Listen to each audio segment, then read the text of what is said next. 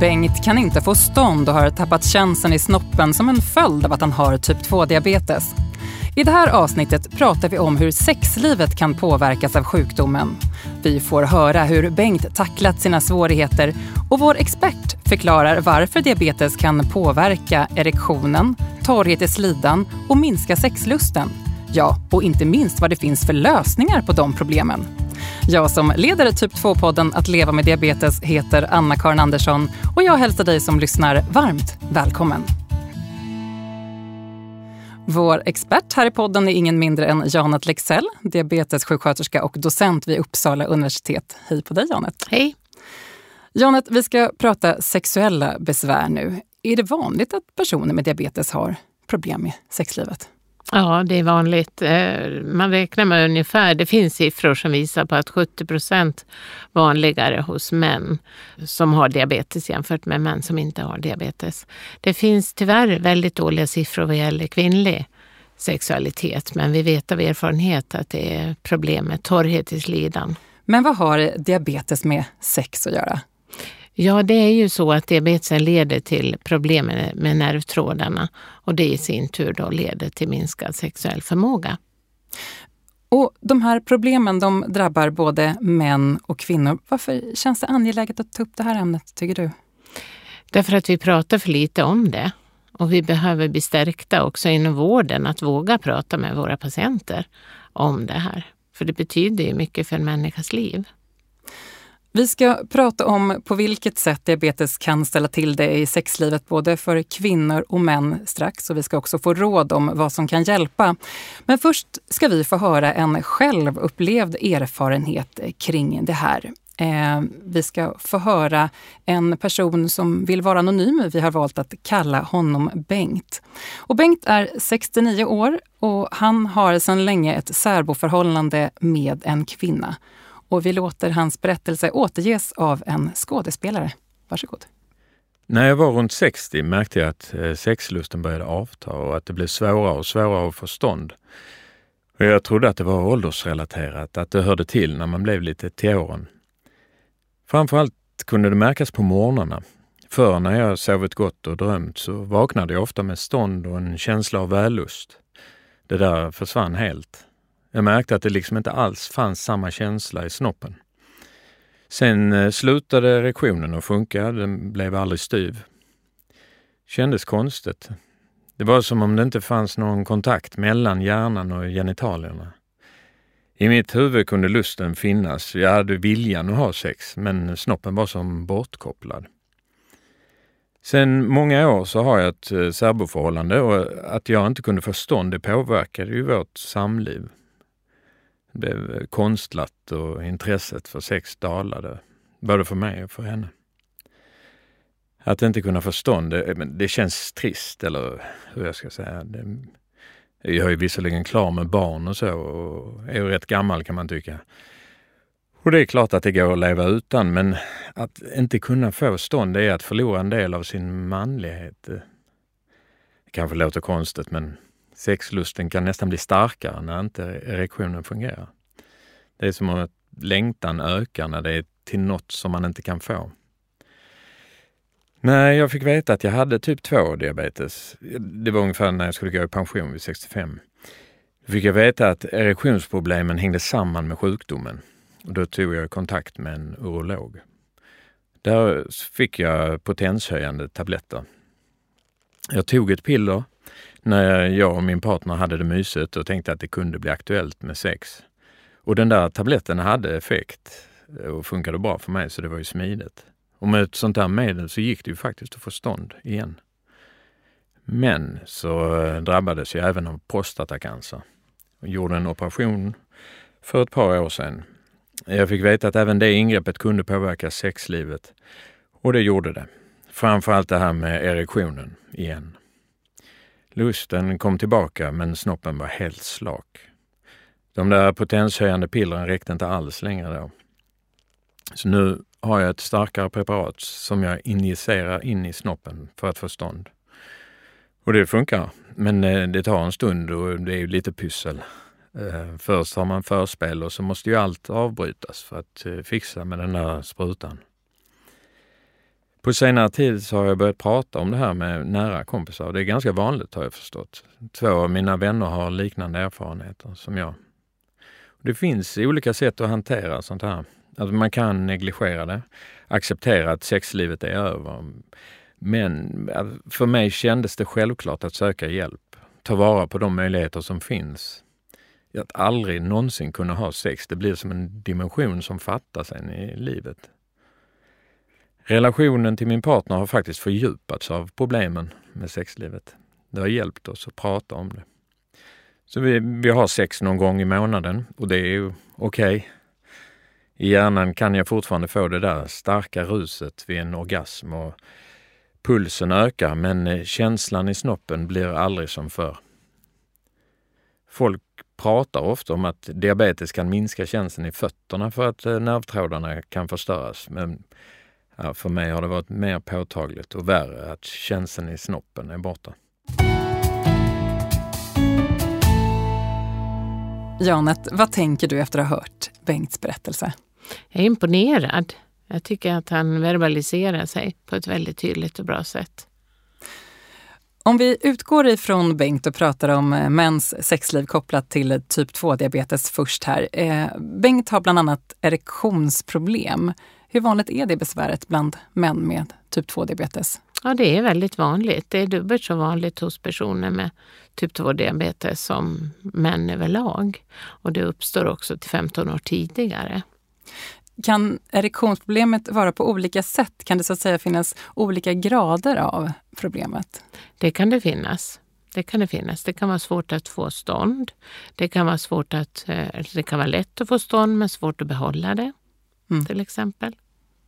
Bengt nämner även det här med att känslan i snoppen har försvunnit. Är det vanligt vid diabetes och varför det i så fall? Ja, det är inte speciellt undersökt skulle jag säga och eh, det var som jag sa att jag var imponerad av hans berättelse för det är det få som jag har hört tala om just den känsel, känselbortfallet. Mm. Han märkte också att sexlusten minskade. Varför kan den göra det vid diabetes typ 2? Ja, han sa att sexlusten minskade men han sa också att Ibland så ökade den för att han tänkte på sex och då fick han lust till att ha sex. Mm. Så att det, var, ja, det var både och tyckte jag. Jag kunde höra hans berättelse. Men det här med att sexlusten kan minska, det gäller också för kvinnor, eller kan gälla för, för kvinnor med typ 2-diabetes. Eh, rent allmänt då, om vi pratar sexlusten, hur, på vilket sätt är det kopplat till just typ 2-diabetes? Ja, alltså mm, för att ha en biologisk förklaring då så vet vi att om man ligger väldigt, har höga blodsockervärden så kan det alltså försämra sexlusten. Också om man har högt blodtryck till exempel så, så rent biologiskt så, så, känner man mindre lust. Då, då. Och om vi byter könsperspektiv här nu då, då eh, på vilket sätt påverkas kvinnors sexliv? Ja, alltså du kan ju få torra slemhinnor och eh, svamp i underlivet. Och svamp det är ju föranledd av, det ligger kanske högt i blodsocker så att du läcker socker via urinen. Och eh, att du, vissa mediciner också. Och när du känner att du, det, det kliar i underlivet och du är torr, då känner du nästan någon slags äckelkänsla. Och då kanske inte det första du tänker på är att du vill ha eh, ett samlag. Mm. Att kvinnan blir våt vid upphetsning kallas ju lubrikation. Mm. Eh, vad, är det, vad är det som gör det svårt? Vad får det för konsekvenser när den här lubrikationen avtar eller försvinner? Varför blir det svårt med samlaget då? Ja, därför att det blir torrt mm. i samlaget. Och sen är det ju återigen det här med nervtrådarna då som ställer till problem. Du kan tänka att du är sexuellt upphetsad och är sexuellt upphetsad, men de trådarna leder inte fram till slidan så att du blir inte våt på samma sätt. Det kan ju vara mer påtagligt för män att inte kunna få stånd än för kvinnor att inte bli kåt och våt. Men är vidden och problemen densamma tror du för män och kvinnor? Ja, det är det verkligen. Men tyvärr så pratar vi väldigt lite om kvinnlig sexualitet och möjligheten att få njuta av sex Om man lever i en relation, då går ju ens sexuella besvär även ut över partnern. På vilket sätt kan samlivet och relationen påverkas? Ja, såklart att det påverkas negativt för att mannen mår ju inte bra av att märka att kvinnan inte blir tillräckligt våt för att kunna ha olika sexuella aktiviteter. Men det finns ju hjälpmedel att få, skulle jag säga. Mm. Mm. Och det ska vi komma in på mm. alldeles eh, strax. Men är det lätt tror du, att tänka att det är ens fel eh, och att man känner sig lite så misslyckad om man förlorar eller minskar sin sexuella förmåga? Ja, det har du en poäng i. Absolut. Eh, så är det ju. Mm. Och därför att det är ingen som...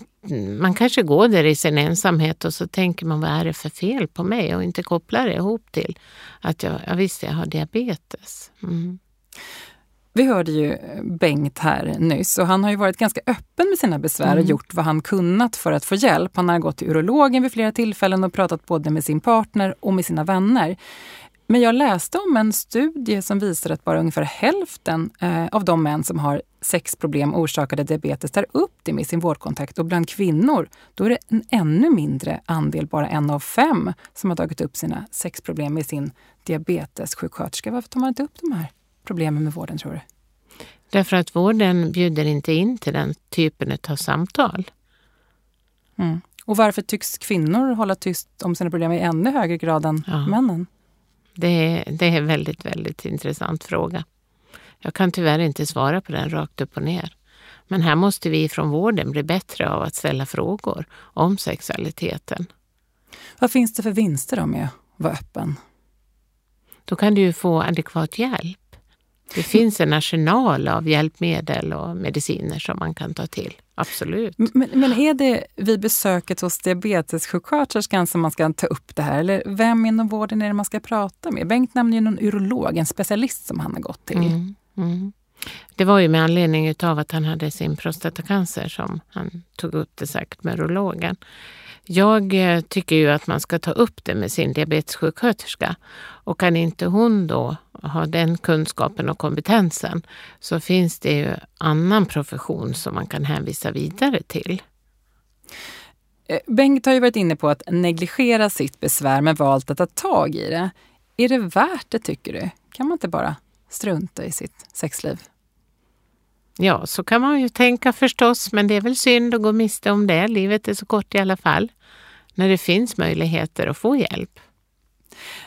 Det är ju lätt att man fokuserar på tvåsamhet och att det är angeläget om det finns en partner. Mm. Men finns det en poäng att bry sig även som singel? Ja, men absolut. Det är inte så att bara för att man är singel så har man slutat och tyckt om att ha sex. Så är det ju inte. Då har vi kommit till delen då vi ska få svar på vad man kan göra om man vill råda bot på sina sexuella besvär. Som kvinna, vad ska jag göra Janet om jag inte blir våt i slidan vid upphetsning när slemhinnorna helt enkelt är för torra? Ja, det finns ju glidmedel att köpa som man absolut kan använda. Så att det skulle jag rekommendera i första hand. Då, mm. Om problemet även hänger samman med minskad lust, då? min partner kanske vill ha sex men själv känner inget sug efter det, eller i alla fall inte så ofta. Vad kan man göra för att förbättra sitt samliv och få öka sitt glöd? Mm, mm. Ja, det, dels om man tänker rent sexuellt så finns det ju mycket bra hjälpmedel och leksaker som man kan ta del av för att finna tillbaka till den här sexlusten. Men sen eh, eftersom det är en diabetespodd så måste vi också prata om att till exempel ett högt blodsocker kan göra att du får minskad lust och högt blodtryck till exempel. Eh, du kanske sover lite dåligt där till. Mm. Men sexleksaker och andra hjälpmedel eh, nämner du som ett litet ja, sätt att experimentera ja, och få upp ja, ångan lite. Jag tycker det. Ja, men det är inte lite genant att köpa sådana Nej. grejer? Nej. Nej? Nej, det är det väl ändå inte. Nej. Det finns ju flera butiker. Apoteket har ju bra tips och hjälpmedel, tips också. Mm. Och, och snygga produkter är det ja, nu för tiden också. Ja. Och ganska diskret om man köper det på, på postorder. Mm. ja, det kan man också göra. Mm. Men, men, för männen då? Impotens har vi varit inne på här som ett vanligt problem bland män med diabetes. Vad kan man göra åt det? Ja, alltså där finns det ju mediciner att ta så att man kan få stånd. Då, mm, mm. Sen tycker jag personligen att man kanske inte alltid behöver vara stressad över att man inte kan få stånd. Jag menar, man kan njuta ändå på olika sätt. Så att hitta andra och hitta sätt andra sätt att njuta tillsammans utan att man alltid måste ha ett regelrätt samlag. Den här minskade känslan då? Vi hörde ju Bengt beklaga sig över att han inte kände så mycket i snoppen. Kan man mm. göra något åt det? Ja, det tycker jag var mer bekymmersamt faktiskt. Det måste jag säga. Och där tror jag nästan att man skulle behöva en sexolog som kunde ge lite råd och tips vad, man kan, vad det kan bero på. Eller urologen till och med. Mm. För det tyckte jag var lite tragiskt. Mm. Jag läste att stillasittande hade en negativ inverkan på vårt sexliv rent allmänt. Eh, det är klart att ett fysiskt aktivt liv inte är lösningen på alla sexuella bekymmer. Men, men Jonna, tänk att de där promenaderna är bra för så mm. mycket. Mm. Att de mm. till och med kan bidra och få fart i sänghalmen. Mm. Mm. mm. En liten powerwalk och sen kanske det kan bli lite action. Man kan gå och fantisera lite. Bra tips. Med det tackar vi för den här gången. Janet Lexell, diabetessjuksköterska och docent vid Uppsala universitet. Tack för dina kloka ord. Själv heter jag Anna-Karin Andersson och Typ 2-podden Att leva med diabetes är en produktion från det forskande läkemedelsföretaget Böringer Ingelheim. Hej för nu och på återhörande.